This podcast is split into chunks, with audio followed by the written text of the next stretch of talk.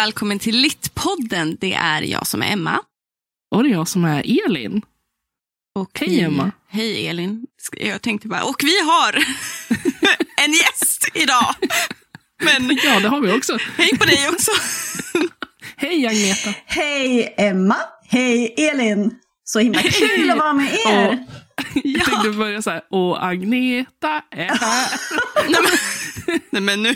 Nej, men, Det ja. passar. Nej, men det kändes ganska bra. Men ja, du eh, hälsar ju på oss idag. Agneta Norrgård, läsfrämjare.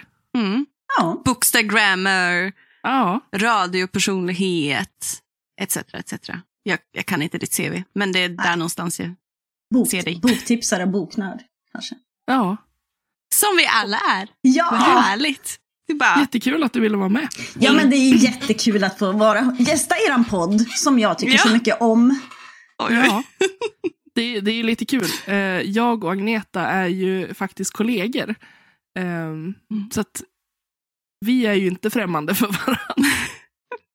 Nej, det är väl mer du och jag, Agneta, som mest bara sett varandra flyga förbi på Instagram. Tror jag. Ja, och det är det här som är så häftigt med communities tycker jag. Man, man tycker man känner eller har en bild av både en bokstagrammer eller en poddröst. Och så har man aldrig träffats. Nej. Det är häftigt. Ja, Eller så har man träffats och så vet man att så här, vad som lurkar där under ytan. Liksom vad, som, vad som döljer sig. Jag vet inte om du hörde det. Elin ringde mig förut idag. Ni har ju en, en, kollega, en, ni har en kollega som är min gamla gymnasielärare. Ja, Ja, och så Elin skrev till mig och bara, jag ska hälsa från henne. Och jag bara, men vad fint. Och så ringde Elin och så hade de börjat prata då. Och jag började känna lite här när vi hade lagt på Elin, bara, fuck, det är min gymnasielärare. Oj, undrar vad hon kommer att berätta för saker för Elin nu. Nu blir jag lite stressad, för att det, det här känns inget bra. Det är en helt annan personlighet än den jag är idag. Men det är också väldigt ska kul. absolut grilla henne på detaljer sen. Ehm, Hon kommer bara, hon kommer bara säga, nej men Emma skötte sig exemplariskt. Hon var väl lite disträ. Alltid, hela tiden, Då konstant. ska du få höra om hur hon är nu. Nej. Hon är värre, hon blev värre, det blev värre. Nu ska jag berätta historien om Emma. Sätt dig ner och Jag tror ta nästan det är värre. Du kan ju börja med att säga till henne att jag faktiskt tog mig igenom universitetet, även fast hon var orolig för att jag skulle inte klara det gymnasiet.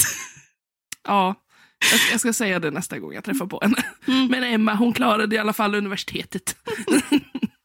Men det är kul att, men som du säger Agneta, att man har liksom, man har bekanta, alltså även genom sociala medier, men, när ni jobbar då i Timrå, tänker man att det är långt ändå från Umeå, men så visar det sig att man har kontakter därigenom och man har kanske råkat stött på varandra.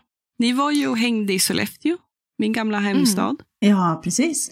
Men jag känner också att med mitt universitetet och eh, universitet, eller ja, utbildningar i Umeå så känns det som att det är väldigt många som har anknytning på ett eller annat Mm. sätt. Som fortbildning eller kurser eller någonting. Så att studentlivet tror jag också gör att man känner att mellan Norrland krymper. Ja, precis. Ja, jag tror att de flesta i Norrland väljer något form av Norrlands universitet.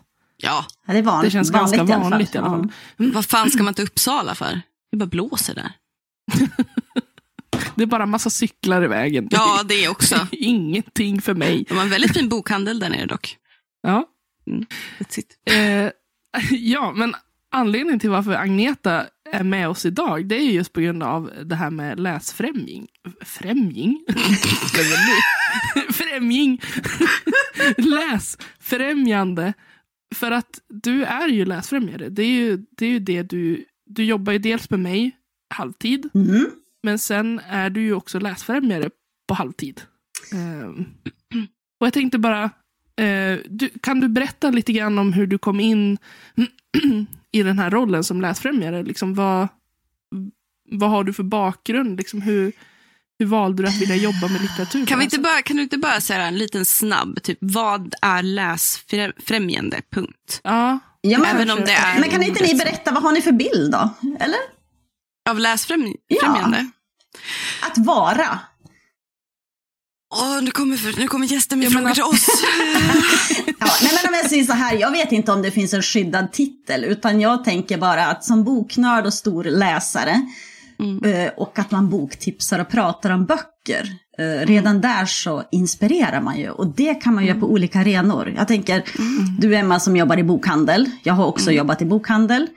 Elin och jag, vi jobbar nu i bibliotek. Eh, Jag har jobbat många år i förskola. När man pratar läsning, när man pratar böcker, boktips, även till vänner och kollegor, så läsfrämjar man ju liksom som ett, eh, alltså som ett sätt att vara. Att vara läsfrämjare. Eh, det är väl något självpåtagligt känner jag. Och det är väl Eh, ja, men, om jag börjar från början då, att jag har ju kommit från en stor läsande familj. Eh, mamma drev en fi- biblioteksfilial, pappa var lärare och rektor. Och vi bodde mitt emot skolan och biblioteket. Min äldre syster som är fyra år, hon gillade att läsa böcker och mina föräldrar läste hela tiden mycket barn och ungdomslitteratur. Mamma var ju byns sagotant. Och eh, när min syra kom hem från skolan så ville jag kunna precis samma som hon. Så när Ja. hon kom hem, då fick hon berätta vad hon hade gjort. Så jag började läsa när jag var fyra fem år. Och så lekte vi skola. Och så växte vi liksom upp på biblioteket. Ja. Så det är väl liksom mina rötter. Så sen har ju läsning alltid varit liksom ett stort intresse, även om jag har gjort väldigt många andra saker, idrotta och ja, men, jobbat i olika branscher. Så har det alltid funnits med, oavsett. Och sen jobbade jag liksom som säljare i livsmedelsbutik och blev uppsagd och barnled, föräldraledig och jobbade på folkhögskola. Och så blev jag uppsagd igen och då tänkte jag så här, men vad skulle jag vilja göra? Drömmen. Och drömmen var att jobba i bokhandel. Ja. Så då hade jag turen att få timanställning i Härnösand. Och då var det Bokia på den tiden. Just det.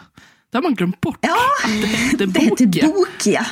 Oj, så många nostalgiska minnen Ja, som men bara... hur? Bara liksom loggan väcker så här. Ja, gud, så, jag fick lite hjärtkla- inte hjärtklappning, hjärt... eh, så här, lite så här, oh. Knip. Hjärtknip. Knip i hjärtat. Och det var också knip i hjärtat för mig, för precis den bokhandeln var den bokhandel som jag och syrran besökte varje lov, för min farmor bodde i Härnösand. Så att från att alltid ha lånat böcker och vara vant vid det formatet och de lukterna, då hade vi sparat pengar och så gick vi och köpte de här Wahlgrens röda gröna ryggar. Ja. Och så tokläste vi liksom det under sport och påsklov. Och så sen, inte vet jag många år senare, väldigt många år senare, så fick jag själv jobb där. Så det var ju jättestort och mäktigt. Där kom att cirkeln slöt. Ja, Verkligen. ja så, det var, så då sen drömde jag om att så här, bli egen bokhandlare. Jag hade ju sett den här filmen You Got Mail. Du sett den? Ja, Mm. den är ju så Ja, hon driver en pittoresk liten söt butik och så Tom Hanks då, han spelar den här stora. Mm. Som Ja, driver stora Fox. kedjan. Ja. Mm. Och så får de liksom relation och allt här. Och så blev det liksom lite sen, för sen hamnade jag i, jag blev uppsagd och hamnade i Akademibokhandeln och cirkeln slöts igen. Mm. Så att numera är jag gift med en man som har jobbat som regionchef i Akademibokhandeln. så det, det blev liksom, Jaha. ja, han gör det inte längre men han har gjort det. Nej. Och då blev det också Okej. liksom det här att jag slutade jobba och började plugga och läste pedagogik och psykologi och sen läste jag lite litteraturvetenskap. Men eh, då blev det också det här tillgången till böcker och då väcktes det där intresset igen efter några år ifrån. Liksom. Att, ja men ni vet, läsa nya böcker och snacka böcker. Och, Mm. Vilken resa. ja, Alltså Ja. jävlar. Så Och- himla kul också att det har varit väldigt centrerat i Norrland ändå. Liksom, ja, men du är ju aktiv i Norrland nu också och har ju verkligen gjort ett, skapat dig ett ansikte utåt. Och det, det är så ovanligt. Jag kan ju tycka att många av mina Bookstagram-vänner eller läsfrämjare hamnar oftast söderöver, även om de kanske startar i Norrland. Ja. Nej, men och sen har man väl förebilder. Alltså, Sveriges läsambassadörer har ju alltid, tyckt jag, fått för lite plats i medier. Jag tycker de, har, man, har man valt att ha liksom statligt eh, utsedda läsambassadörer, då tycker jag de ska höras och synas mycket mer. Bli mer inbjuden i tv-soffor och ja, men, Mm. kulturprogram. Jo. Men många av dem jobbar ju kanske läsfrämjande mot barn och unga då, och de har ju inte den där statusen kanske. Nej. Men de blev liksom förebilder för mig och även sådana här så kallade eller utbildade läscoacher. Som har skrivit handböcker. Um, och det, det är väl liksom så jag har läst in mig på att hur kan man jobba i en förskola med bilder och text och hur kan man mm. Jobba. Jag har ju parallellt drivit mitt egna företag då, Agnetas ABC. Mm. Uh, Men du, du, du, har jobbat i förskola också. Ja. Eh, vilket blev en väldigt, eh, liksom, det vart ju en stor skillnad mot för att ha jobbat i bokhandel. Ja. Men du kunde ju ändå dra nytta av den erfarenheten, eller hur? Liksom ja, och, och många som, som kanske många föräldrar eller människor utanför förskolans värld vet inte om hur aktivt man jobbar med böcker och läsning redan från småbarnsålder. Språkutveckling mm. är ju en del av läroplanen. Mm. Så att min senaste anställning, då jobbar vi aktivt med Läslyftet. Och det är ju ja. då ett fantastiskt fint verktyg som mm. baseras på absolut senaste forskningen. Mm. Och då, då läser man in sig kollegialt och så praktiserar man i barngrupp och så utvärderar man kollegialt. Och det mm. har gett otroligt många bra verktyg. Mm. Så, så det gör ju också att man, eller jag, eh, jag kan ju bara prata för mig själv, men känner liksom att det här läsfrämjande är ju för mig mot alla åldrar.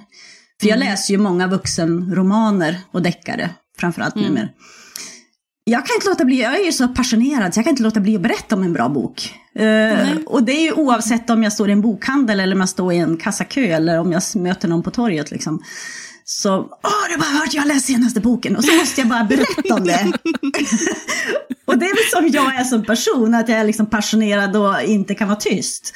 Men även när jag högläser för mina barnbarn eller i en barngrupp för små barn, att se glädjen när de fattar eller går in i berättelsen, mm. den är ju fenomenal. Mm. Den ger ju allt. Det är ju det, är det som ger stimulans för mig. Mm. Men tänk också Isa, hur viktigt det faktiskt är att man får visa den här passionen, eller liksom den här att man, att man brinner så mycket för läsning, att jag måste bara berätta för dig om den här boken. Mm. Att, för att redan där kan man ju väcka ett intresse hos någon som inte har ett läsintresse. Mm. Att, så här, att, att man kan bli lite nyfiken. Så här, men kan en bok verkligen vara så här fantastisk? Kan den väcka så här mycket känslor? Mm. Att, mm. Att, jag tror att det är väldigt viktigt att man får utlopp för den där uh, ja, men, det där sprittet man har i kroppen när man har läst en riktigt bra bok. Och att mm. man får utrymme att faktiskt berätta om den. Mm. Och så har ju mina föräldrar alltid varit eh, helt passionerat tror jag. Det har inte att göra med deras yrkesval utan det har med deras intressen. Att mm. de läste barn och ungdomslitteratur mycket i första hand för att mm. de hade det i sin yrkesutövning. Och så mm. Blev det en läsande förebild för oss barn som växte upp. Och så ville de läsa tillsammans med oss, de högläste för oss. Eh, när pappa var i skolan, så jag hade ju honom också som lärare eh, på mellanstadiet, då valde han att läsa vuxendeckare. Och mm. det har vi elever pratat om på senare tid. Att när jag växte upp, oj, eh, jag är äldre än er, då fick man liksom hålla sig till den avdelning man, målgrupp man tillhörde. Så var man mm. tonåring, då skulle man låna mm. böcker på barn och ungdomsavdelningen. Man gick mm. inte till vuxenavdelningen. Mm. Men när vi då i årskurs fem, så här, nu ska det vara högläsning i klassrummet. Då läste pappa Agatha Christie, han läste Stig Trenter. Han läste mm. de där, ja, kittlande. Så det var så jag kom i kontakt med liksom, vuxenlitteraturen, att vi hörde det på mellanstadiet. Jag märker att många av mina samtal själv på, på bokhandeln, det är ju väldigt, jag känner det väldigt annorlunda. Jag jobbar som lärare förut och då är det ju som att lite så lärarens ord är lag. Lite att man, man behöver inte övertyga så mycket. Man kanske övertyga elever, men man behöver inte övertyga föräldrarna. Utan de lämnar ju mest bara över ansvaret på en. Men när föräldrar kommer in och ska köpa presenter eller julklappar som det varit nu, så är det liksom länge man får stå och prata med föräldrar om det som jag tycker är ganska basic. Men vad är de intresserade av? Mm. Vad, vad, vad, vad kollar de på för serier? Vad kollar de på för filmer? Vad spelar de för tv-spel? Mm. Ja, men då kanske, då kanske det här funkar bättre. Jag förstår, men jag hade någon, någon kund som, var, som köpte en fack eh, populär litterär bok. Och de var så här, alltså vi är så oroliga för vårt barn för han läser inte skönlitterärt. Han vill, vägrar läsa skönlitterärt, han vill bara läsa facklitterärt. Jag bara, låt han läsa. Ja, Mm. exakt. Exakt. Det kommer, allt annat löser sig. Det kommer att vara som dominobrickor efteråt. Blir han intresserad av skön, det skönlitterära, en facklitterär bok om rymden kommer kanske resultera i sci-fi. Mm. Mm. Och det är liksom, jag bara, bara låt dem läsa och bara uppmuntra det Exakt. de redan gör. Och det är så, det, och det är många föräldrar tror jag som har föräldrar och andra vuxna och även unga vuxna tror jag som har en bild av vad en läsande människa är. Mm. Mm. Någonstans. Och, vad man, och vad man bör läsa. Mm. För att det finns ju fortfarande en idé om den här finlitteraturen. Eh, det man ska läsa och den fula litteraturen det man absolut inte ska läsa. Mm. Jag tänker istället att vända på att det är ju bra att han läser överhuvudtaget. Om man Ja. tänker på den senaste undersökningen om barns läsförståelse. Ja, en det pojkars finns så många barn som- läsförståelse bara. Ja. Punkt. Alltså Mm. där. Jag Katastrofal. menar- Jag menar det är ju bara så här skitbra. Han, han läser facklitterära böcker. Han, Ja. lä, han får en allmän kunskap. Mm. Att Mm. det är ju kanonbra. Mm. Sen tror jag också att barn är så van internet nu, eller tv-spel, och där är det inte lika tydligt indelat åldersmässigt. Utan är man is- in, intresserad av, eh, inte vet jag, eh, Star Wars, då läser man eller tar reda på fakta om Star Wars oavsett Mm. om det är Wikipedia eller om det är Mm. ja, men någon faktasida på internet kanske. Mm. Så sen när du går till en bokhandel eller ett bibliotek, det blir så här, ja här står barnböcker om, men de kan kanske lika gärna ta en mer avancerad faktabok för att de är van den typen av upplägg kanske på hemsidor eller på faktasidor. Sen Mm. textmassan, absolut, den kanske riktar mot en annan, så att jag tror också att, att man visar bredden som finns. Mm. Vill du läsa om vikingar? Ja, men vi har allt ifrån pekböcker till kapitelböcker till bilderböcker till på vuxensidan. Och där hittar du kanske 11-åringens nivå. Mm. För att har man ett specialintresse så kan du ha en ganska hög nivå. Ja, gud ja. Så att jag Gud, tror att ja. det här med, med förbud och att man lyssnar in och gör ett urval och, och handling och är nyfiken Mm. eh, mot den som ska välja. Eller, och, Mm. och också att man som förälder eller vuxen i barns närhet visar Mm. ett intresse Mm. för vad de läser. Och inte Mm. värdera det, Nej! tänker jag. Och det är väl typ det, det är väl det jag känner själv också är min främsta uppgift som bookstagrammer. Jag kan ha åsikter Mm. och det är någonting som jag och Elin hela tiden känner kanske många gånger vi slirar på men att man vill ändå hålla sig på perspektivnivå. Att det finns så många perspektiv. Vi funderar, vi undrar kring Mm. de här sakerna. Eh, sen kan ju jag vara väldigt hård, särskilt när, det kommer till feministiska saker. Att, är, du, är du liksom, och så. Men att många gånger vill man ändå vara det, att det är okej att läsa, men vill du läsa Colin Hoover, läs Colin Hoover. Mm. Eh, Bara för att vi har en åsikt om Colin Hoover och hennes böcker så betyder det inte att det är dålig läsning, utan det var inte min preferens. Nej, och sen kan man ju i ett boksamtal då sen ställa öppna frågor tänker jag. Så Ja. får man själv sätta, sätta ord på hur man upplevde relationen i böckerna eller hur man upplevde hierarkin eller maktskapet eller vad det kan vara. Men jag, jag tyckte det var så häftigt i helgen, för min, jag har ett barnbarn som är 12 år. Mm. Och hon var här och hon har läst eh, Spökhunden Buster av Tobias Söderberg. Ah. Ja, Söderberg va? Söderberg. Söderberg. Uh, älskat den så, men hon läser inte så mycket nu. Och så kom hon hit och så bara, ja men eh, han har ju läst, han har ju skrivit böcker för, för mellanåldern också. Mm. Ja, och så bara, ja vad handlar den här om då liksom? Ja men den handlar om um, prästgården Borgvattnet. Bara, Borgvattnet? Men det har jag hört på Jocke och Jonna på YouTube liksom, eller på Ja. internet. Ja. Ja, men jag har en bok om det också. För då är de här spökjägarna som har gjort tv-program, har ju också gjort LaxTon. en... Ja, exakt. Mm. Har ju också gjort faktaboken. Hon bara, Mm. what? Finns det en sån bok? Och hon börjar läsa direkt. Så jag tänker Ja. också att vi som är i barns närhet, ju mer vi läser in oss i bredd, även om jag inte är jätteintresserad, men är det liksom populära böcker som kommer eller snackisar, läs så du vet vad det handlar om. För rätt vad det är, är det kanske den boken du presenterar för ett barn eller en ungdom. Mm. Eller ja, en vuxen också, eller någon som du vill läsfrämja Mm. för eller prata Mm. om. Och då är det den som är ingången. Och då blir det så här, men det, det finns ju på riktigt. Ja, Mm. och då kan du läsa här om väsenologi. För där handlar det om väsen som, va? Mm. Och så, står det här om det här korset? Ja, men då vill jag ha den boken. Ja, men, Ja. Så helt plötsligt så här hittar vi... trådarna som Ja. man drar i. Mm. Ja. Och istället för att, vad vill du läsa? Det här vuxenattityden, utan mer bara så här, vad är du nyfiken om? Eller Mm. inte så här, ja men nu ska det inte, kanske det är inte så bra, eller att man lägger en värdering, utan bara presentera, presentera. Låt dem Mm. bara mata i sig liksom.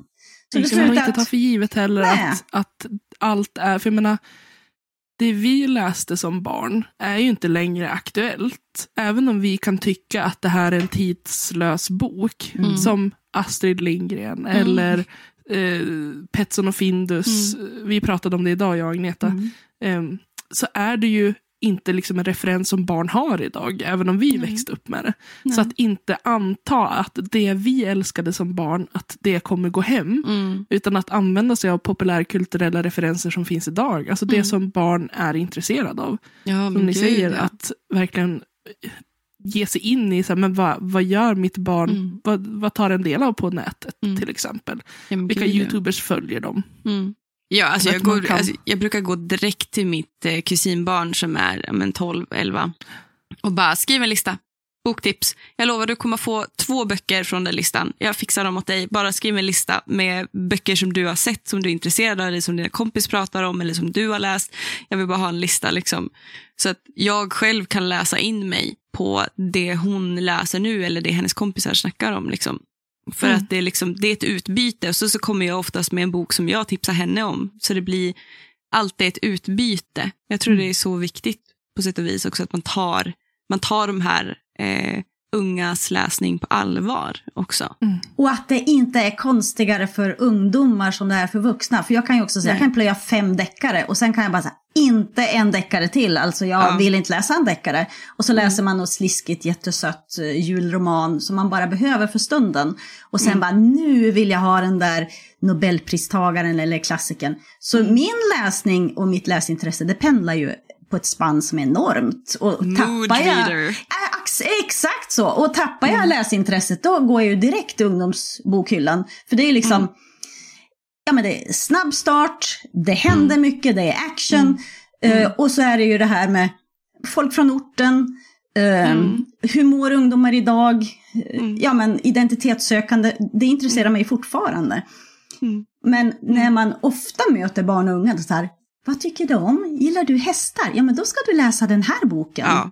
Ja men bara för att jag gillar musik eller ABBA eller Ja. ja, men, fotboll, det är inte säkert att jag vill läsa om det. Nej, Så att-. Jag tycker att vår attityd mot barn och unga måste vara mer öppen eller mogen.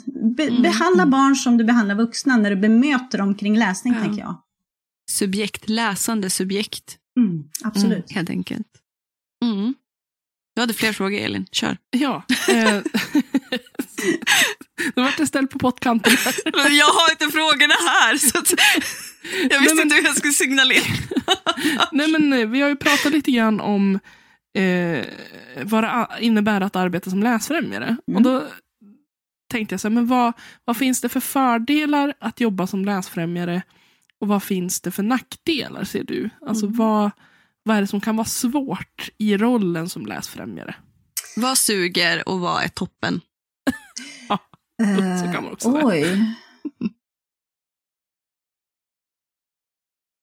Ja, men det, framförallt så beror det på variationen, så här, vilka arenor man möter. Vad, för kravlöst är alltid bäst. Och samtidigt, om man blir, om man blir, om man får ett upp, om jag får ett uppdrag som läsfrämjare eller läspeppare eller väcka läslust, då handlar det också om att få veta lite grann om målgruppen. Är det ett pensionärsgäng eller är det en årskurs fem eller är det en pedagoger på en förskola?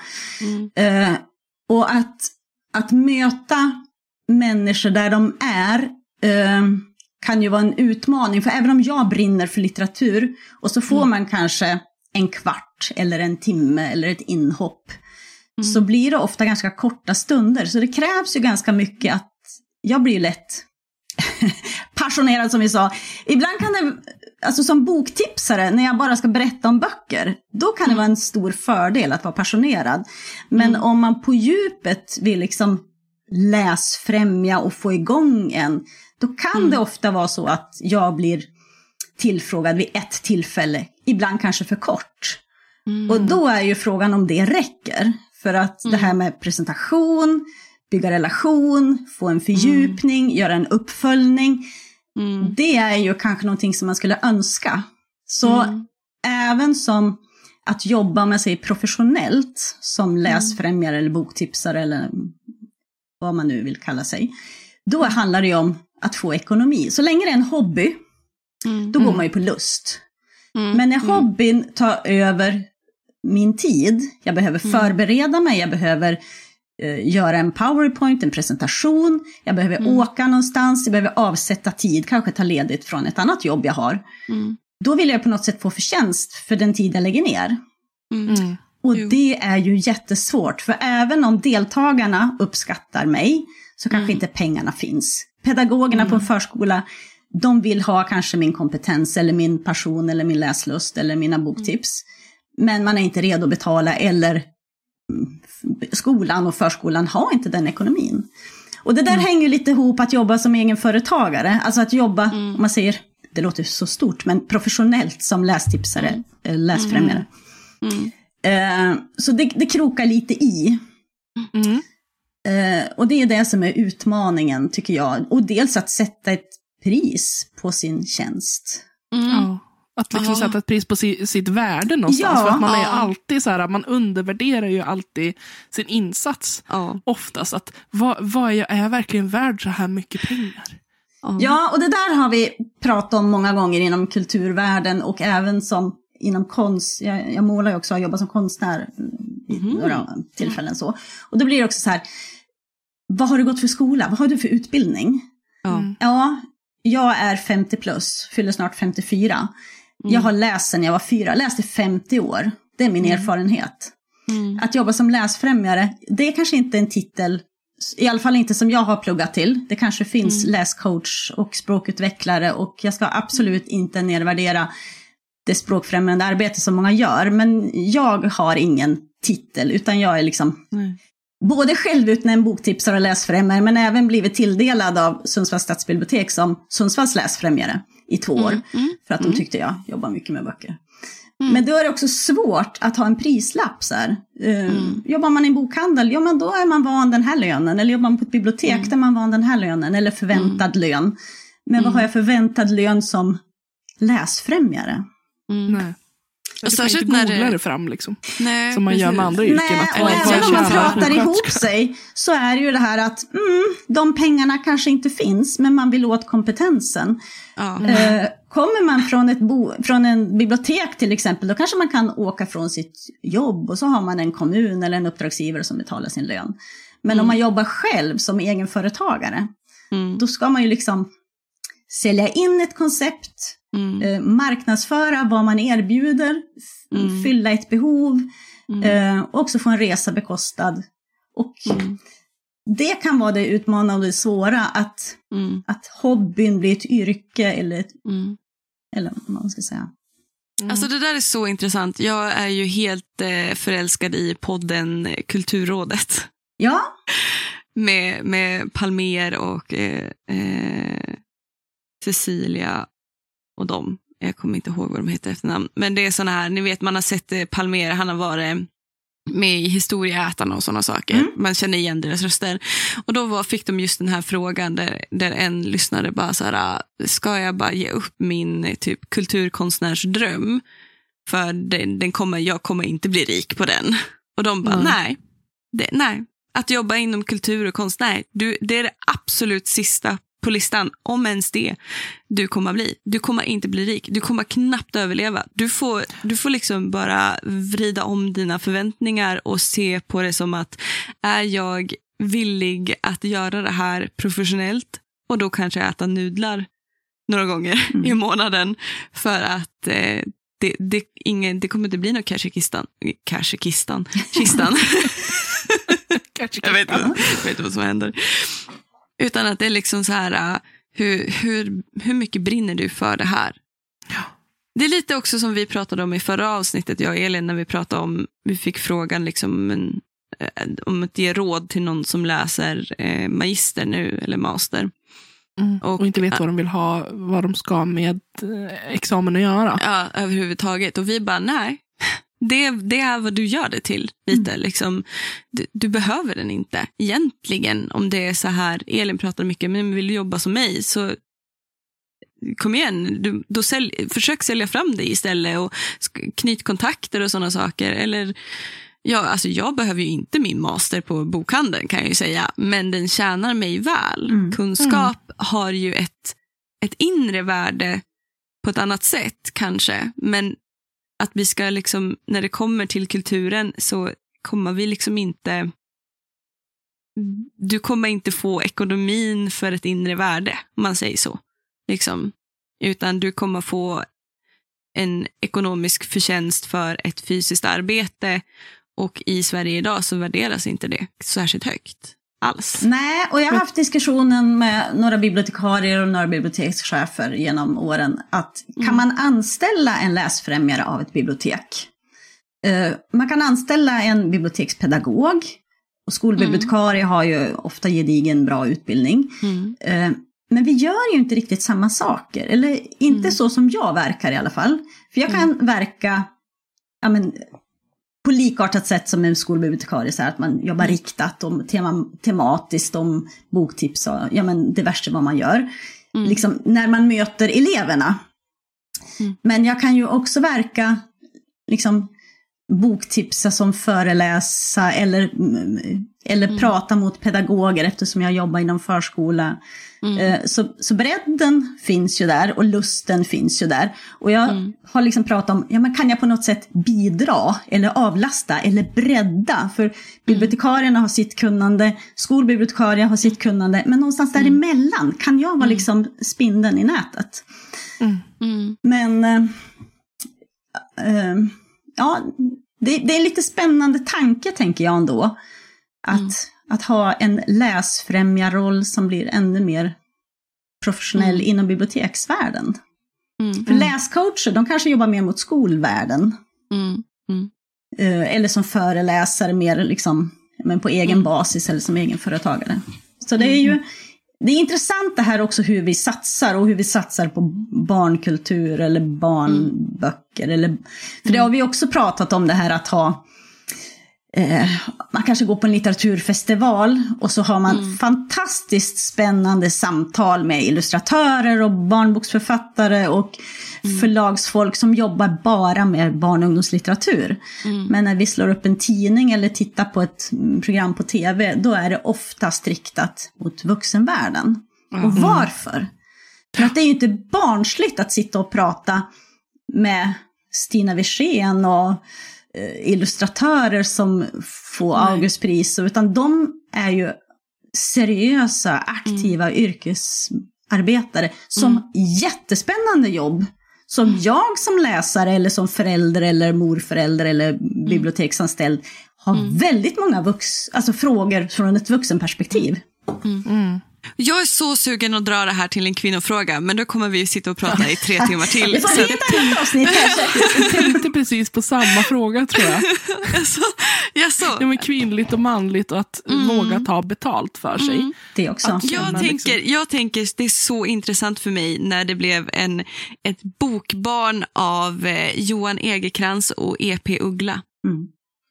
Johan Egerkrans, han är ju inte barn, bara barn eh, riktad, men han är ju illustratör, han är författare eh, och han, han riktar sig ju mot barn och unga, men han syns ju överallt. Mm. Han syns ju hela tiden och han får ju väl betalt för det. Och så kommer E.P. Uggla som är liksom idag en av Sveriges eh, topp eh, fantasyförfattare och dystopiförfattare. Ehm, och så släpper de den här eh, mellanålders eh, om Dungeons and Dragons. Dungeons and Dragons-generationen, vi är ju 30 nu. Ja. Så det är ju 30-åringar som, som jag som går och köper den boken. Mm. Men hon syns ju inte på samma sätt som Johan gör. även om de är båda lika kompetenta, lika duktiga författare. Jag tycker, nu är jag ju lite bias, nu tycker jag ju att E.P. Uggla är lite bättre författare. Men, men, men jag, är väldigt, väldigt, jag gillar hennes eh, Eden-böcker väldigt, väldigt mycket också. Men, men att det är liksom... Och det enda skillnaden jag ser, utan att, nu har jag bara pratat med Johan, men att, utan att prata med dem båda, är att E.P. Uggla är kvinna och Johan är man. Det är den enda skillnaden jag ser. Alltså hur... Alltså å, återigen, jag återkopplar till förra avsnittet att många kvinnliga fantasyförfattare blir tvingade och pushade även in i barn och ungdomslitteraturen. Eh, för att de just är kvinnor. För att kvinnor säljer inte bland vuxenlitteraturen om det inte är en specifik subgenre till spänningslitteratur eller om det är en, en feel roman Men det spelar liksom ingen roll var vi placerar kvinnan. Kvinnan kommer aldrig, även om det är fler kvinnor som kanske skriver YA, så tjänar de inte ens i närheten så mycket som en man som skriver YA gör. Eller heller riktas eller syns lika mycket som en man gör inom YA eller i vuxenlitteratur. Det är så, och jag blir så upp i varv, jag ska inte bli upp i varv. Men... Jag, jag tänker mycket på just det här äh, förväntan om att man får ta för sig. Mm. Um, att det är inte en självklarhet att man får det utrymmet att synas, höras och ta plats. Nej. Som det kanske är för män Mm. eh, generellt. Och att det kan vara att man aldrig får den, samma möjligheter till eh, att bli signad av ett förlag, ett specifikt förlag som har resurser att, Mm. att eh, ja, men marknadsföra dig som författare. Att Mm. fixa de här kontakterna som är så viktig för att Mm. du ska nå till den nivån i sådana fall av kändisskap. Mm. För det är det det handlar om. Så här, hur känd är du? Det är då du kan börja ta pengar. Mm. När du är, blir en säljbar produkt själv. Men jag tänker inte bara bara på, jag. Men jag tänker också på arbetet. Alltså Mm. Det är så stor skillnad med arbetet. Jag träffade Denise Rudberg i höstas när hon var och hälsade på på jobbet. Och Hon pratade om det också. Hennes, hon bara, jag måste arbeta socialt. Jag måste arbeta med relationer så mycket. Annars hade jag aldrig kommit dit jag varit idag. Det är tack vare mina läsare, mina följare, de jag pra pratar med som gör att jag är där jag är idag. Jag all, alltså det är typ Mats Strandberg som typ har sagt det. Jag har aldrig hört en svensk manlig författare säga det. På det sättet. Och eller jag har inte sett en manlig författare jobba så mycket som en kvinnlig författare gör. Med relationer och med kontaktnät och med nätverkande och med sociala medier och marknadsföring. Det är mycket gratis timmar av, av marknadsföring som kvinnliga författare gör. Som, där män inte lägger ner lika mycket gratis timmar. Nu kanske jag är också väldigt generisk, väldigt generell och väldigt hård som jag är vanligt. Självklart gjorde jag det här till en kvinnofråga igen. You welcome. men, men det gör mig, that grinds my fucking gears so much. För det är, Jag inte bara det, att det är inte bara det att ungdoms och barnlitteraturen inte syns. Kan det i så fall ha att göra med att de flesta som är pushade in i det området är kvinnor. Och kvinnor måste lägga ner så mycket tid och så mycket jobb på att få ens en 5% av det en man får gratis. Så självklart kan de slå igenom när det kommer till vuxenlitteratur. Jag är så arg nu. Men jag tänker på just det här med att jobba, alltså jobba hårt för att marknadsföra sig själv. Det, det blir ju även det av att vara läsfrämjare, tänker jag. Eh, att bygga, hur viktigt är det här nätverkandet? Mm. Eh, för vi kommer ju lite in på det. Mm. Det var en Mm. fråga. Eller jag, bara, jag kände att...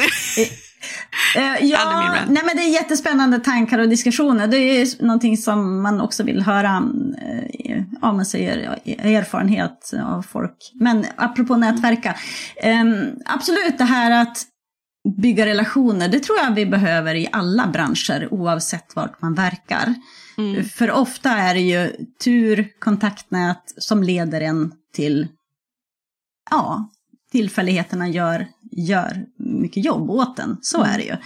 Mm. Och jag har ju tack vare tur och vissa kontakter både hamnat på P4 Västernorrland och på God kväll.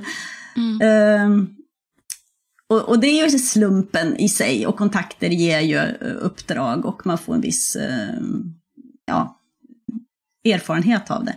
Men mm. nätverka som läsfrämjare, där känner jag att där, eller som med läscoacher eller läsambassadörer, där byter man ju erfarenheter, utvecklar mm. varandra byter eh, tankar och idéer hur man får andra att läsa eller på vilket sätt man jobbar. Men nätverka mm. som bookstagrammer eller som mm. boktipsare, om man då mm. säger, det är ju, det känner ju ni som sitter här, som mm. kanske har träffats tack vare era studier, liksom.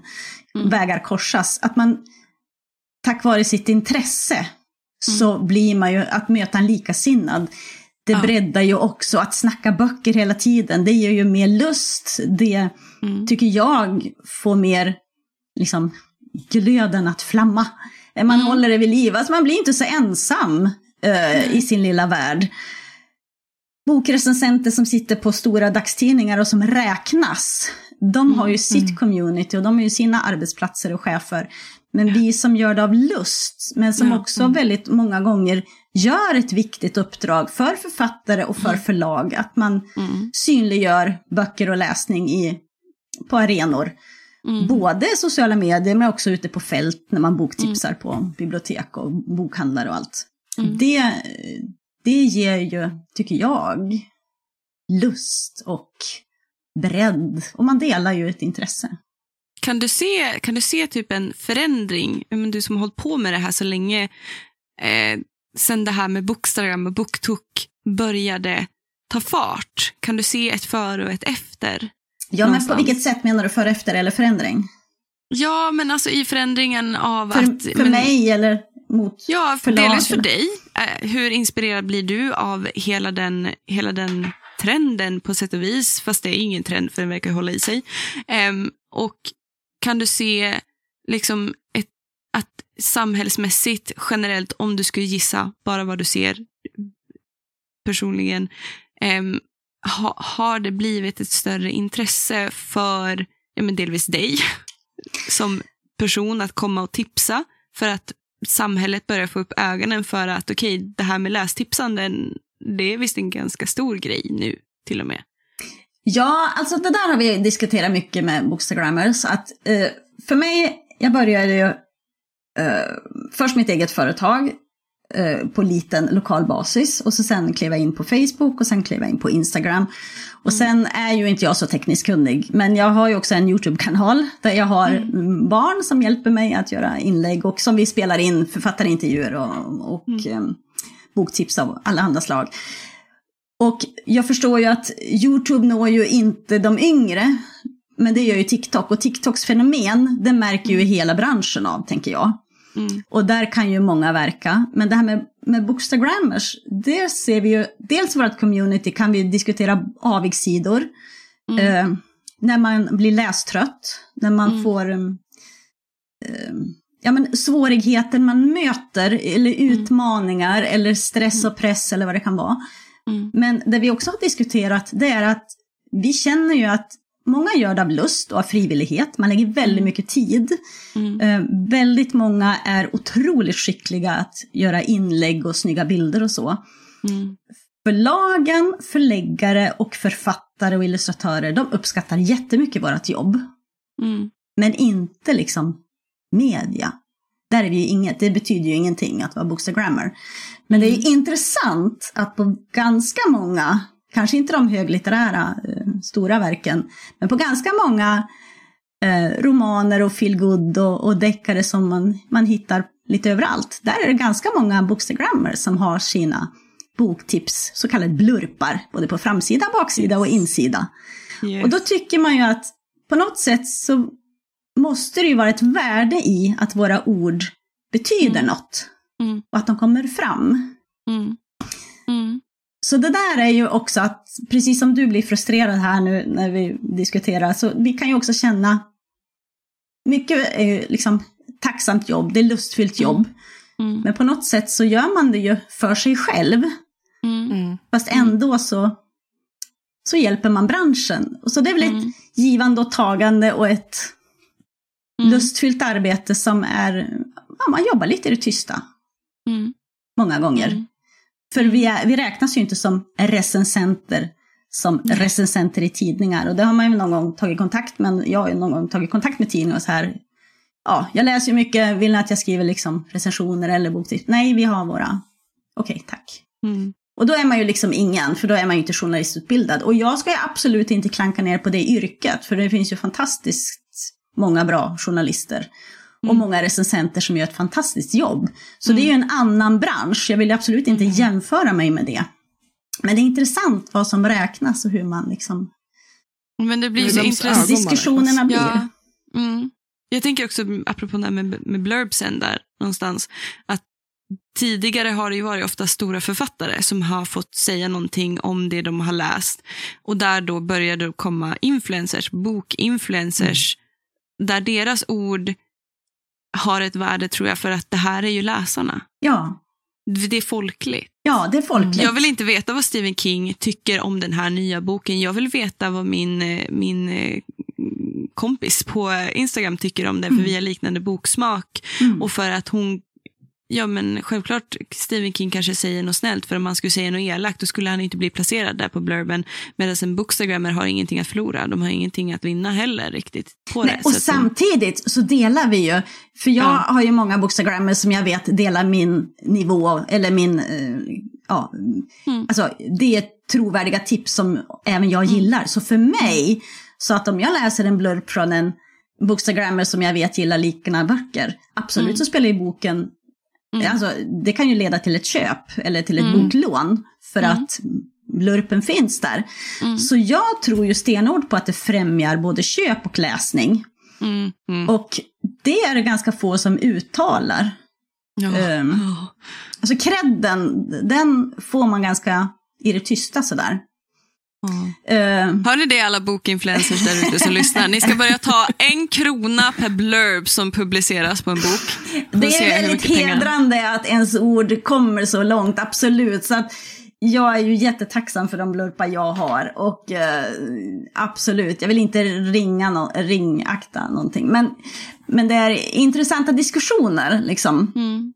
Eh, och också hur man ser att det förändras. Och också det här med, Mm. Det kan ju också vara ett kapitel för sig, det här med recensionsdagar. Mm. Bo, boken släpps ja, den Mm. första januari och så recensionsdag kanske 14 dagar därefter. Och så släpps ljudboken däremellan och så Mm. kommer det recensioner på ljudbokssajter. Mm. Och då är det så här, varför har vi recensionsdagar? Mm. Eh, egentligen borde det vara så att man släpper det liksom hemligt och så de recensionsdagar som gäller, det är de, Mm. då kommer den ut till handen till folket. Mm. Mm. De som har läst det hemligt, recensenter eller mm. utvalda. Eh, men det här är också någonting som, recensionsdagarna finns i regel kvar på förlagets Mm. sidor. Eh, men jag, jag skulle vilja undra lite varför. Mm. För nu är det ju ofta så här att om jag, om jag läser en bok, köper eller lånar eller får från ett förlag, sträckläser den, Mm. då brinner jag ju som mest när jag direkt har läst ut den. Ja. Och då att hålla tyst i två veckor. Även absolut kan jag ju skriva mitt omdöme eh, samma stund och spara den. Men jag vill ju också så få ut den. Ja. och det där, Man vill ha reaktionen. ja, och det där hade jag när jag jobbade, eller jag var ju på Bokväll ett år och tillsammans med Inga-Lill Mosander. Och då hade vi diskussioner när vi valde böcker. För jag sa, ah, men jag har ju läst den här och den är inte släppt än. Ta du den och tipsa om den. För ingen kommer att klandra dig om du tipsar om deras bok. Alla författare och förlag blir så glada. Ja men så ja, det står ju en recensionsdag och den är om två veckor. Strunta i det. För, och då menar hon att den är inte recenserad, men den är tipsad om. Och det kan man också se nu. Nyhetsmorgon har ju ofta återkommande boktips. Eh, och även God kväll har ju kvar sina. Så att absolut, det finns ju boktipsare som tipsar innan recensionsdagen. Men det är hårfint och det är intressant. För när jag jobbade i bokhandeln, det är ju, vad kan det vara nu, 15 år sedan drygt. Mm. då var det ju liksom stenhårt. Och då mm. gick ju inte tempot lika fort. Ljudbokssajterna var ju inte lika eh, stora som de är mm. idag. Mm. Ja, nu är det ju otroligt viktigt att det nästan kommer eh, tätt. Mm. För det är väldigt många som väljer ljudböcker. Eller e-böcker. Eh, eller e-böcker, ja. Och ibland mm. så släpps ljud, ljudboken innan pappersboken. Ja. Mm. Eh, men du har fortfarande möjlighet att skriva omdömen mm. Innan pappersboken är släppt. Men det där mm. tycker jag är så intressant, för det är också liksom vad man, det, det, här med att jobba, apropå att komma tillbaka till att jobba professionellt som läsfrämjare, mm. det är också att öppna upp för att kunna ge kritik. Mm. Att kunna att ha en läsförståelse nog att kunna ge kritik eller mm. kunna ge konstruktiv kritik eller kunna analysera ett verk. Mm. Och jag tror att i förlagsbranschen så är ju, är, finns det här gamla, gamla tänket kvar att, eh, någonting, att om någonting blir kritiserat då är det kört. Mm. Medan i den nyare, liksom, i den yngre generationens liksom, syn på vad recensioner är och konstruktiv kritik är, det är också att all publicitet är god publicitet på mm. sätt och vis. Um, och minsta lilla publicitet är viktig och så försöker de, två, de här två synsätten mercha ihop och så försöker de bygga någonting som ska hålla någon sorts, för man måste ju ha den lilla kryddan av mystik över boken och sen så blir det bajspannkaka av alltihop. Mm. mm. Och det där har vi också diskuterat, vad, vad ens Bookstagram-konto ska innehålla. Ska man mm. skriva om alla böcker man läser? Det gör man ju självklart som man vill. Och det här det är en härlig plattform för jag styr ju själv, jag gör ju som jag vill. Ja. Jag tycker framförallt att jag är boktipsare. Så jag skriver ja. gärna om det jag tycker om. Sen kan jag ha en analyserande text. Att jag kan tycka mm. jättemycket om handlingen och huvudpersonen. Mm. Men jag kan reta mig fördärvat på grannen som gjorde si och mm. så. Och sen tycker jag mm. att eh, gestaltningen kan utvecklas. Mm. Bla, bla, bla. Mm. Så det kan ju vara nyanserat boktips.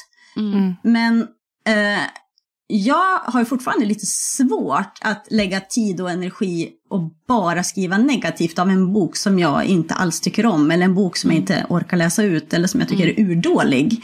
Mm. Feedback kan man ju ge i det tysta också. Man kan ju mejla författare och förlag om de önskar. Eller så går man vidare i livet.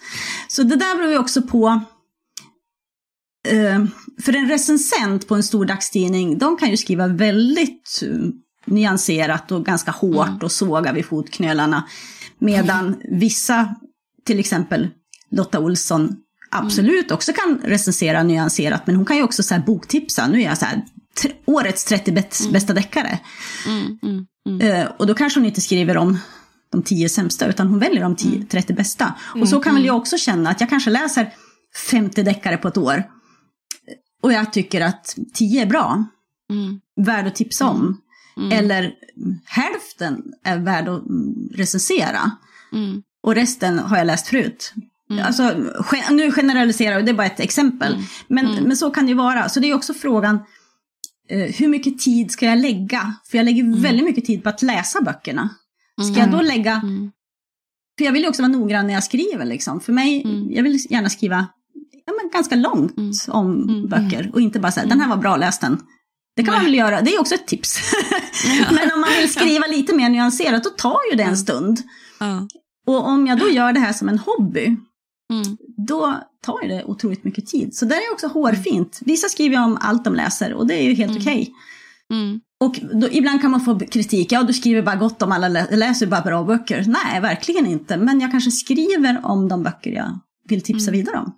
Men det blir mm. väl också så, eh, men du får inte pengar för det. Så att varför skulle du lägga ner energi på att skriva någonting som kanske bara gör dig tycker, ja. du, en bok som du bara tyckte var skit. Liksom. Samtidigt så kan en del följare tycka så här, ja men det blir mer trovärdigt om man skriver både högt och lågt. Absolut, mm. men man kan ju mm. också välja att skriva nyanserat, att skriva mm. förbättringspotential eller mm. svagheter och styrkor i en mm. text man har läst. Eller en roman. Uh, men att skriva om den sämsta boken. Och jag har inte riktigt, men det är väl för att jag gillar att tänka positivt. Också så här årsbästa, topp fem. Ja men de här har berört mig. De är inte kanske nobelpristagare eller augustprisvinnare. Men de har mm. berört mig mest. Och de här har jag satt i händerna på mm. sjukt många för de har kanske en bredd. Mm. Eh, men varför ska, jag, varför ska jag berätta om de tio sämsta? Ja. Nej. Det, det jag kan tycka är lite skönt, att det kan vara lite befriande om det är en bok som är jättemycket i ropet. Mm. Och att man hör hur många som helst som bara lovordar en bok. Och man, Mm. eh, liksom, man hypar upp en bok så mycket. Och när man läser den så känner man, men gud, det här var ju inte så bra som alla, alla säger att det är. Mm. Är det så du känner med Stephanie Garber nu? Med Once upon a broken heart? Ja, lite Ja. så. Så söndertjatad bok och du bara... Ja, nej, men då kan jag tycka att det är ganska befriande att det är någon som kommer och säger, vet du vad, den här, jag förstår inte hypen med den här. Och då, då kan jag känna så men gud, tack. Då är jag inte galen. För att så här, Mm. om, Jo. om 10 000 säger att den här boken är bra Mm, och jag är den enda som känner så här, mm, det är någonting som fattas. mm, För då, känner, då känner jag lite så här, är det mig?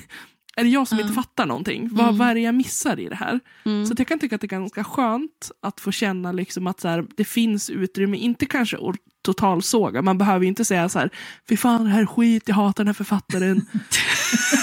man behöver inte bara, liksom finns, finns det nyanser däremellan? Kan, kan det Vad finns. är det här?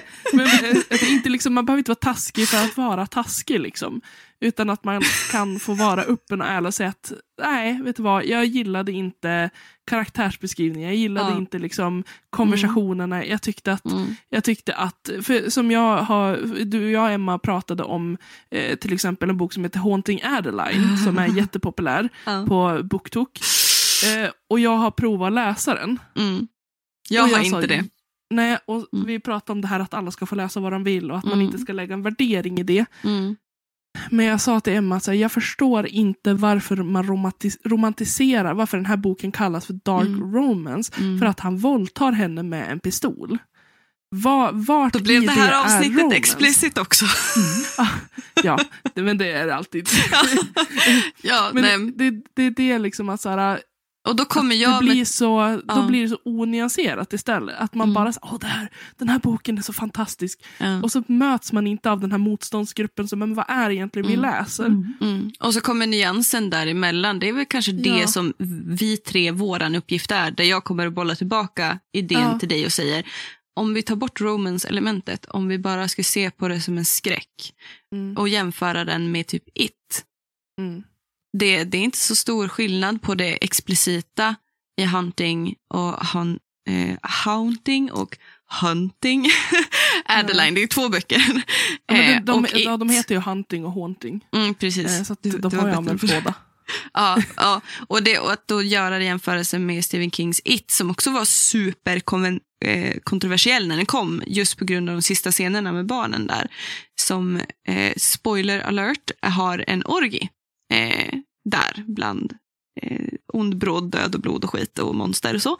Eh, och Han fick ju jättemycket kritik för det, men det blev istället en samhällsutvecklande bok. Vad får vi skriva om det? Han var ju i USA med och startade upp samtalet om det här med banned books. Varför ban- bannar vi vissa Mm. böcker? Varför, varför tar vi tillbaka böcker och reviderar dem? Och, eller när ska vi inte göra det? Och Han vill, sa det liksom i en intervju att han ville peka på barns utsatthet i, i, i berättandet. Liksom att vi, får vi berätta om vad som helst? Får vi skriva om vad som helst bara för att jag har en viss status? Och att då med haunting och hun hunting, hunting, jag vill verkligen göra en tydlig skillnad på dem, em, kan, man, kan, man, kan man se att det händer någonting liknande där? För den författaren har ju inte gått ut och sagt någonting eller mött kritiken. Nej, inte vad jag vet i alla fall. Eh, Jag har Eh, letat, men och jag det- det- fick hyperfokus.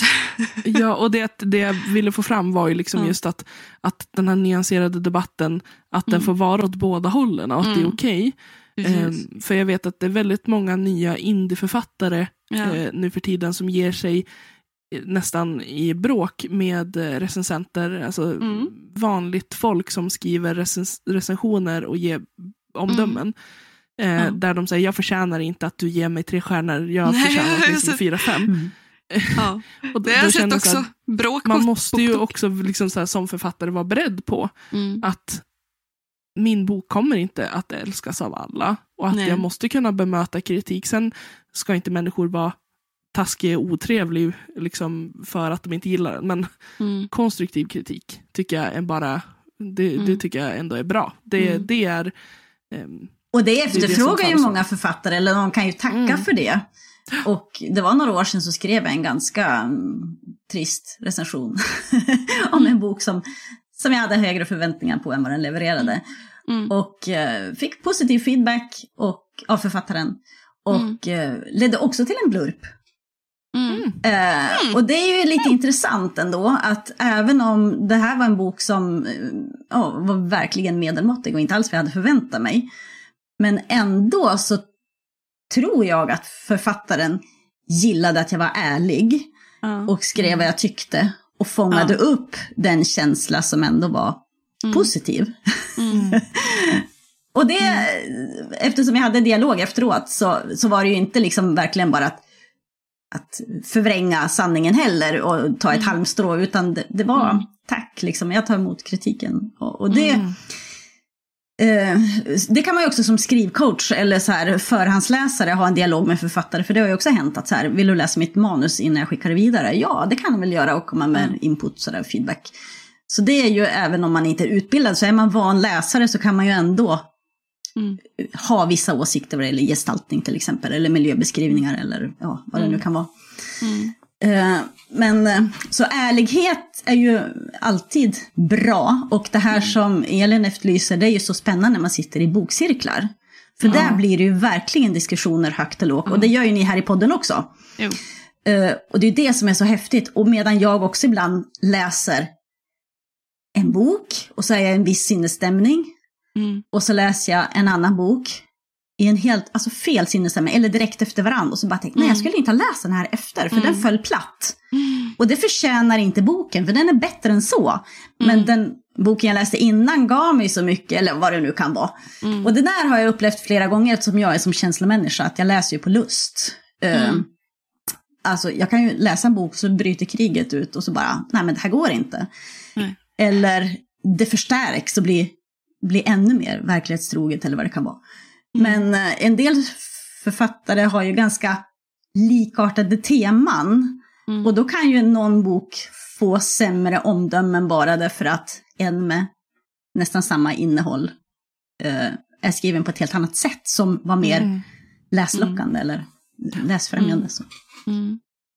så det är intressant också. Eh, Det, det är Ja. tufft. Det är tufft att nå ut i bruset för författarna också. Det är synd om er författare. Fortsätt skriv! Vi Vi ser, ser! Skicka era böcker! Nej jag skojar. Jag tänker nu, nu har vi ju ändå pratat en timme så jag tänker att vi ändå ska gå vidare till... Vi, har, vi, har inte, vi hade ju kunnat sitta och prata en timme till lätt, känner jag. Men jag, jag tänker att... ehm, för det, vi har ju ändå några lyssnare där ute som vill jobba med litteratur på något sätt. Mm. Eh, och som kanske inte vet på vilka sätt. Och jag tänker, det är ju fantastiskt att få ta del av olika eh, typer av yrken Mm. som du. Eh, som, dels så jobbar du ju liksom då åt en kommunal verksamhet men som också har en privat, ehm, en privat firma eller en egen firma.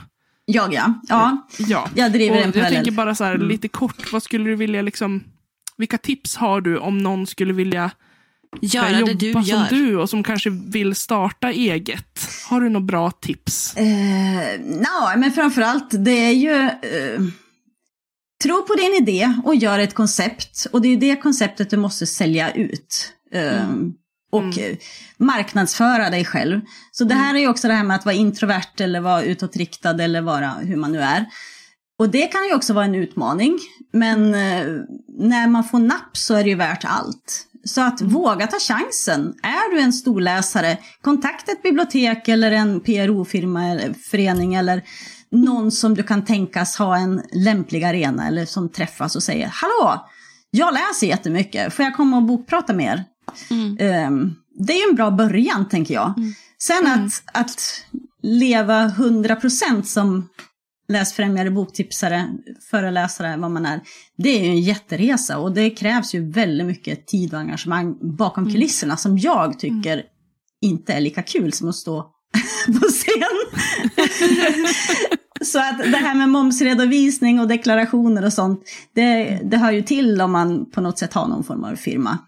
Och sen om du väljer att göra en firma av din hobby eller på något sätt, eh, jag har ju ett e- egen firma, då, eh, då behöver du också till din arbetsgivare berätta om den som en bisyssla.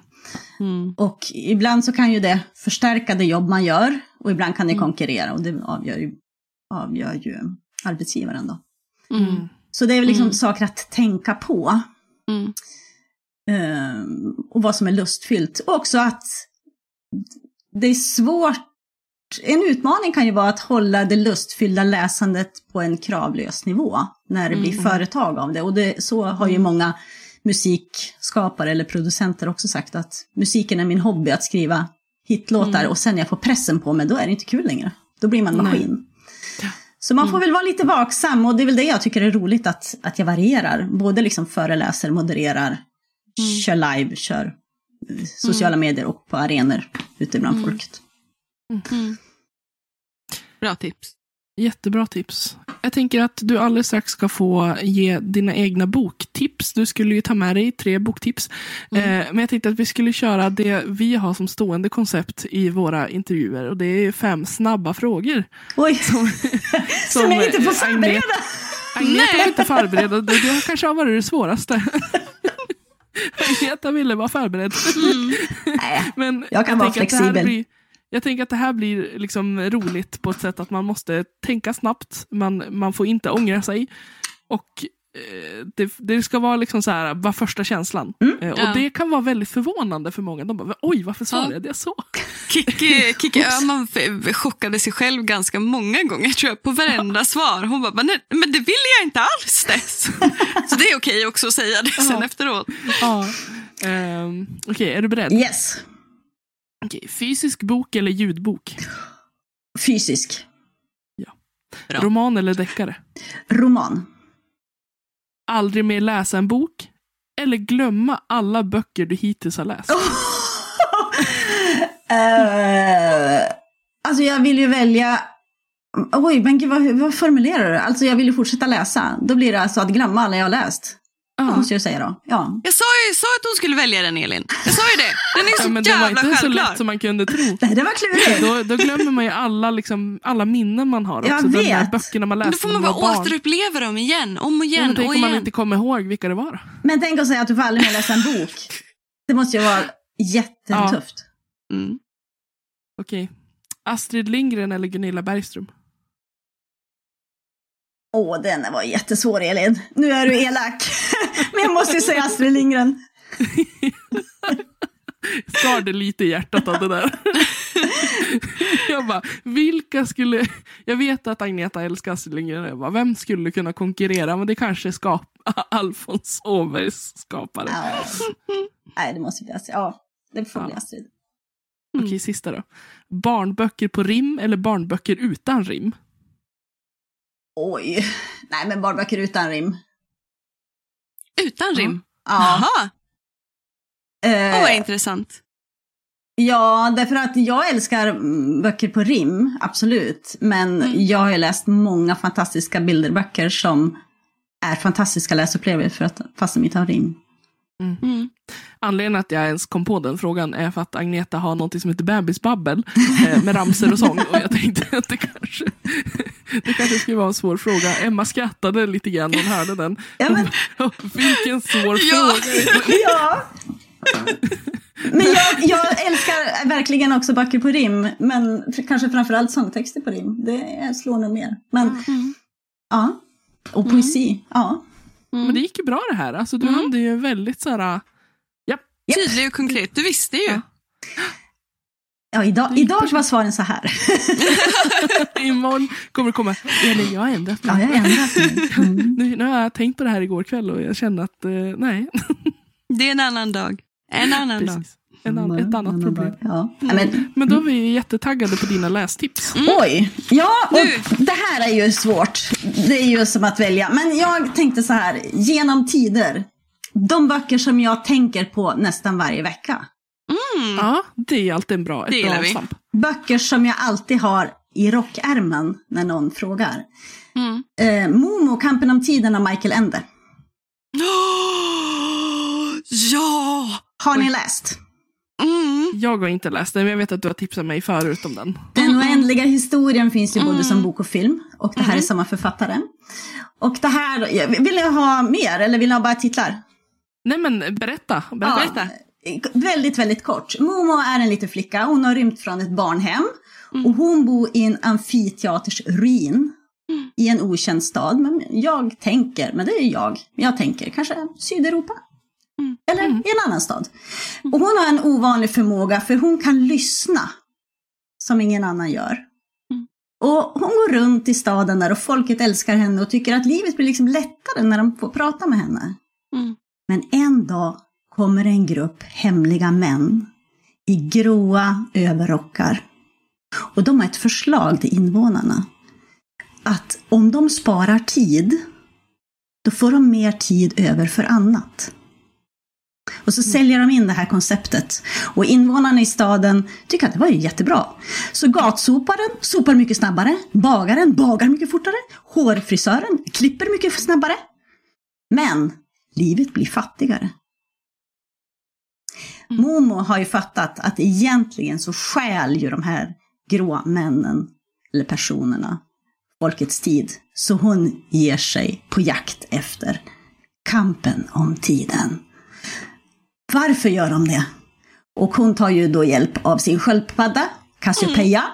som ja. kan se en halvtimme framåt i tiden, och Mäster Ora, som bor på en plats där tiden verkligen kommer ifrån. Mm. Det här okay. är helt fantastiskt. Och när jag liksom hör, nej men jag har inte tid och jag ska skjutsa på träningar mm. och nej men jag vet inte vad mitt barn gör. Då bara så här, Momo mm. kampen om tiden. Mm. Alltså jag tänker på den nästan varje vecka. Den är alltså genialisk. Det, det var länge sedan jag läste den, jag behöver läsa om ja. den. alltså jag tror jag tänkte på den förra veckan faktiskt. För att jag, hade, jag skulle ge tips och jag kom inte på. Jag sa bara leta upp, leta upp Mikael Ende. Ja. Han, han har jättebra barnböcker och jag älskar den boken. Och Jag läste den så mycket i mellanstadiet. Mm. Och låg där nere och lyssnade på mina lärare när de letade efter mig och mina klasskamrater så låg jag och lyssnade. Den här kom alltså 1973 och mm. kom på svenska 1980. Mm. mm. Och den är högaktuell. Ja. Så jag har tipsat om det här till pensionärer och jag har tipsat om det här till eh, vuxna mm. och till föräldrar och till barn. Och den är genialisk. Mm. I alla fall i mitt minne. Om man vill försöka förklara för ett barn stress, konceptet stress. Då, då kan man läsa Momo. Eller man om man vill påminna vuxna om mm. vad ska du göra med all din tid? Mm. Liksom. Du mm. jobbar så mycket så här, för att sen ska jag, sen ja. ska jag. Men ju ja. mer de jobbar, ju mer stressad blir det. Men sen mm. ska jag. Mm. Vad ska jag göra sen då? Du kan göra nu. Sluta jobba, gör det ja. Arbetsförmedlingens nya slogan, sluta jobba, gör det bara. Nej, nu menar jag de här som jobbar jämt. jag menar inte att man ska säga upp sig, utan jag menar Anarki. Som, ja. Sen vill jag tipsa om en bok som har blivit högaktuell och det kan jag förstå storheten i. Men det är alltså en helt vanlig familj av Mattias Edvardsson. Och den är ju nu aktuell på tv-serie, jag tror det är på Netflix. Mm. Ja, någon ja, streamingtjänst i alla fall. Ja, precis. Det har jag sett någon trailer från. Ja. Um, den här handlar då alltså om Adam. Han är pappa men också präst. Och om Ulrika. Hon är jurist men även mamma. Och de lever ett helt vanligt familjeliv tillsammans med dottern som heter Stella och är 19 år. Mm. Plötsligt så knackar polisen på. Stella är misstänkt för mord. Och föräldrarna blir då förhörda. Vad var Stella igår? När kom hon hem?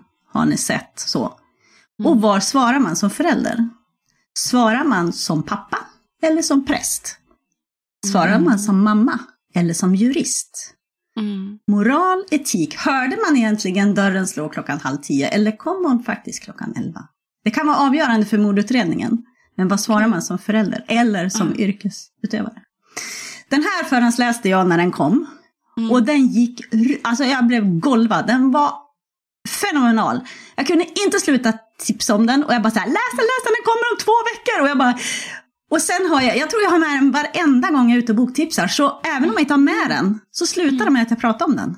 Mm. Den är fenomenal. Hur, och den är ju då skriven ur de här tre personernas olika perspektiv. Mm.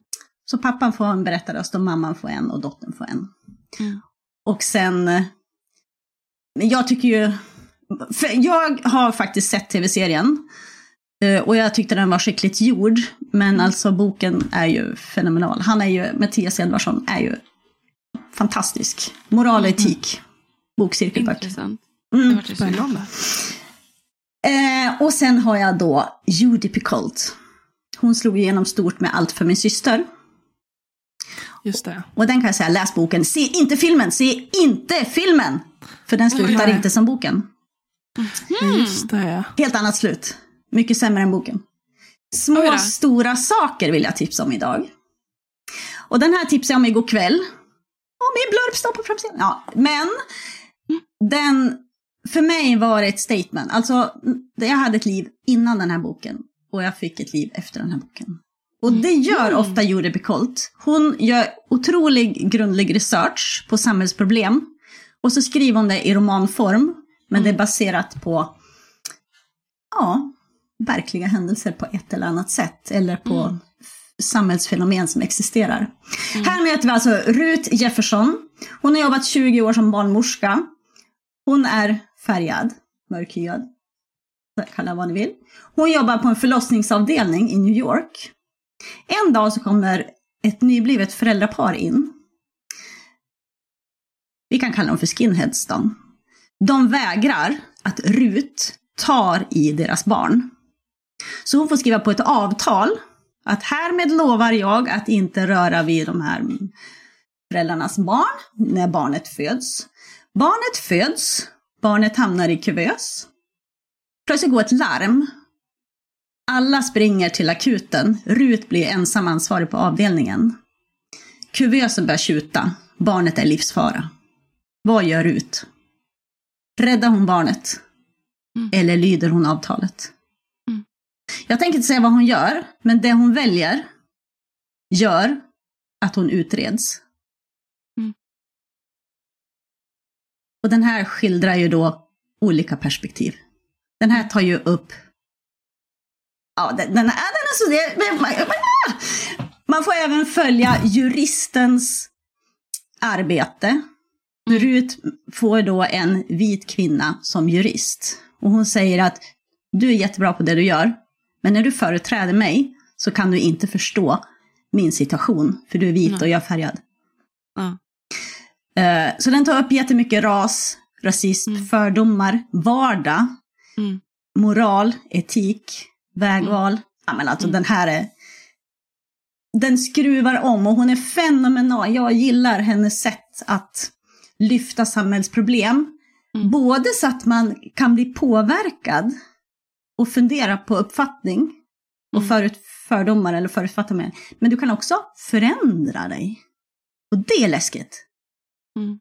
För man får liksom en insyn och en inblick. Små, stora saker av Judy Picoult. Läs den. Hehehe. Hej Elin! Hej va! Här kommer vi, hoppar vi in i dåtid och framtiden. Eller vad man... Ja, gud. gud. Ehm, där här någonstans la Agnetas mick av. Ja, den dog. Tre minuter av slutet tappade vi. Men det hade kunnat vara värre. Det hade kunnat vara typ hela avsnittet som vi har varit med om det någon gång förut. Att Emma ringer mig i panik och bara Alltså vi måste spela in hela avsnittet för att det är borta eller någonting. Så nu när Emma ringde Ja, mig och var- bara Du, hej. Mm, Det- Och det var så kul också för att jag, jag sa till Elin också när hon svarade, jag bara, kommer du ihåg när Agneta sa, oj nu dök det upp en ruta här. och jag bara Jag bara, jag bara, eh, så det, den slutade ju spela in där. ja. Och Elin bara, det var så. Ja, Jaha. Och jag säger det här med the most love in my heart. Agneta vet om, hon bara, för hon kommer sitta hemma och skratta. För, för jag brukar alltid Mm. säga så här, om det är någon som lyckas med så här tekniska fadäser så är det Agneta. det är så fantastiskt. Jag tycker att det är, det är ja. Nej men, Jag älskade också hur lättsam hon var när hon bara, oj, nu det, eh, jag klickar ner den där, det slutar gå bra ändå. Ja. Och jag bara, ja, mm, det är Jo, som idag, hon okej. bara, Elin du är som är teknikexpert. Jag, bara, jag vet inte vart du har fått det ifrån. Men, Men det var, det var verkligen ett supertrevligt an ansvar. Vad hände med min hjärna? Kul! supertrevligt Super avsnitt. avsnitt heter det. Ja. Nu är det ju kanske typ en, ja men det är lite över en vecka sedan vi intervjuade, intervjuade Agneta. Eh, och ja, jo, vi upptäckte det här dagen innan ja. avsnittet släpps. vi alltid ute i så bra tid. så att det är imorgon för oss då som ni kommer få det. Det är mm. onsdag idag, ni kommer få det här avsnittet imorgon torsdag. Mm. Men, nej, men det, var, det var ett supertrevligt samtal. Jag tycker ändå ja. att vi fick ja, men till oss väldigt mycket mat. Ja, jag blev super... Ja, men alltså jag blev superinspirerad av henne. Alltså ja. verkligen. Och det, det känns ju jättekul att hon verkligen aldrig tar av sig rollen som läsfrämjare någonsin. Nej. Det är liksom en del av hennes ID, hennes identitet. Liksom. Ja, men Gud, hon och, och det säger hon ju i avsnittet också. Liksom. Ja. Det här är ja, vem verkligen. jag är, typ. Ja. Jo, det är det som är så fantastiskt. Just att, och det sa vi väl i avsnittet också, just att få vara så passionerad. Eh, mm. Och ohämmad liksom, i mm. sin passion. Det, mm. det är fantastiskt. Det är ju det vi mm. vill att fler ska känna inför sin läsning och inför mm. litteratur. Så det ja, var exakt, exakt. amazing. Amazing. Men dra Agnetas eh, kontaktuppgifter. ja, eh, vill ni följa henne på sociala medier så heter hon, om ni på Instagram eh, vill eh, följa henne så heter hon Agneta understreck Norgard. Och hon har även en hemsida som heter eh, agnetasabc.se. Så in och följ henne. Mm -mm. Yes. Så ja, ta del av hennes underbara energi. Ja. Så säger vi mm. tack för det här avsnittet. Tack för att ni har lyssnat. Tack för att Så ni hörs lyssnat. vi. Vi hörs. Hej! Ni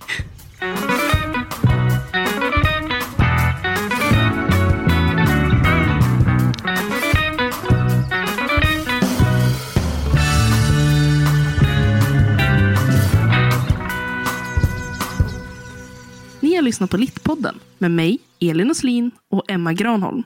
Musik och klipp av Magnus Kjellson och Robert Granholm. Management av Ida Berglund. Tack hörni för att ni har lyssnat.